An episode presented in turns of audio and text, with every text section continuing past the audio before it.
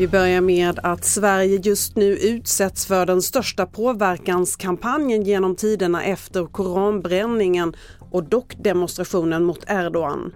En utveckling som även oroar en av Sveriges främsta terrorexperter. Det mest problematiska är också att man kopplar ihop eh, staten Sverige med enskilda händelser.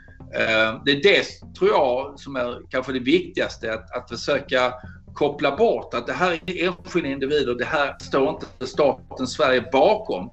För det är den bilden som har satt sig utomlands, att det är Sverige som sanktionerar de här provokativa händelserna. Och det sa terrorexperten Magnus Ranstorp. I natt kom domen i rättegången mot den svenska dataprogrammeraren Ola Bini som anklagas för dataintrång i Ecuador.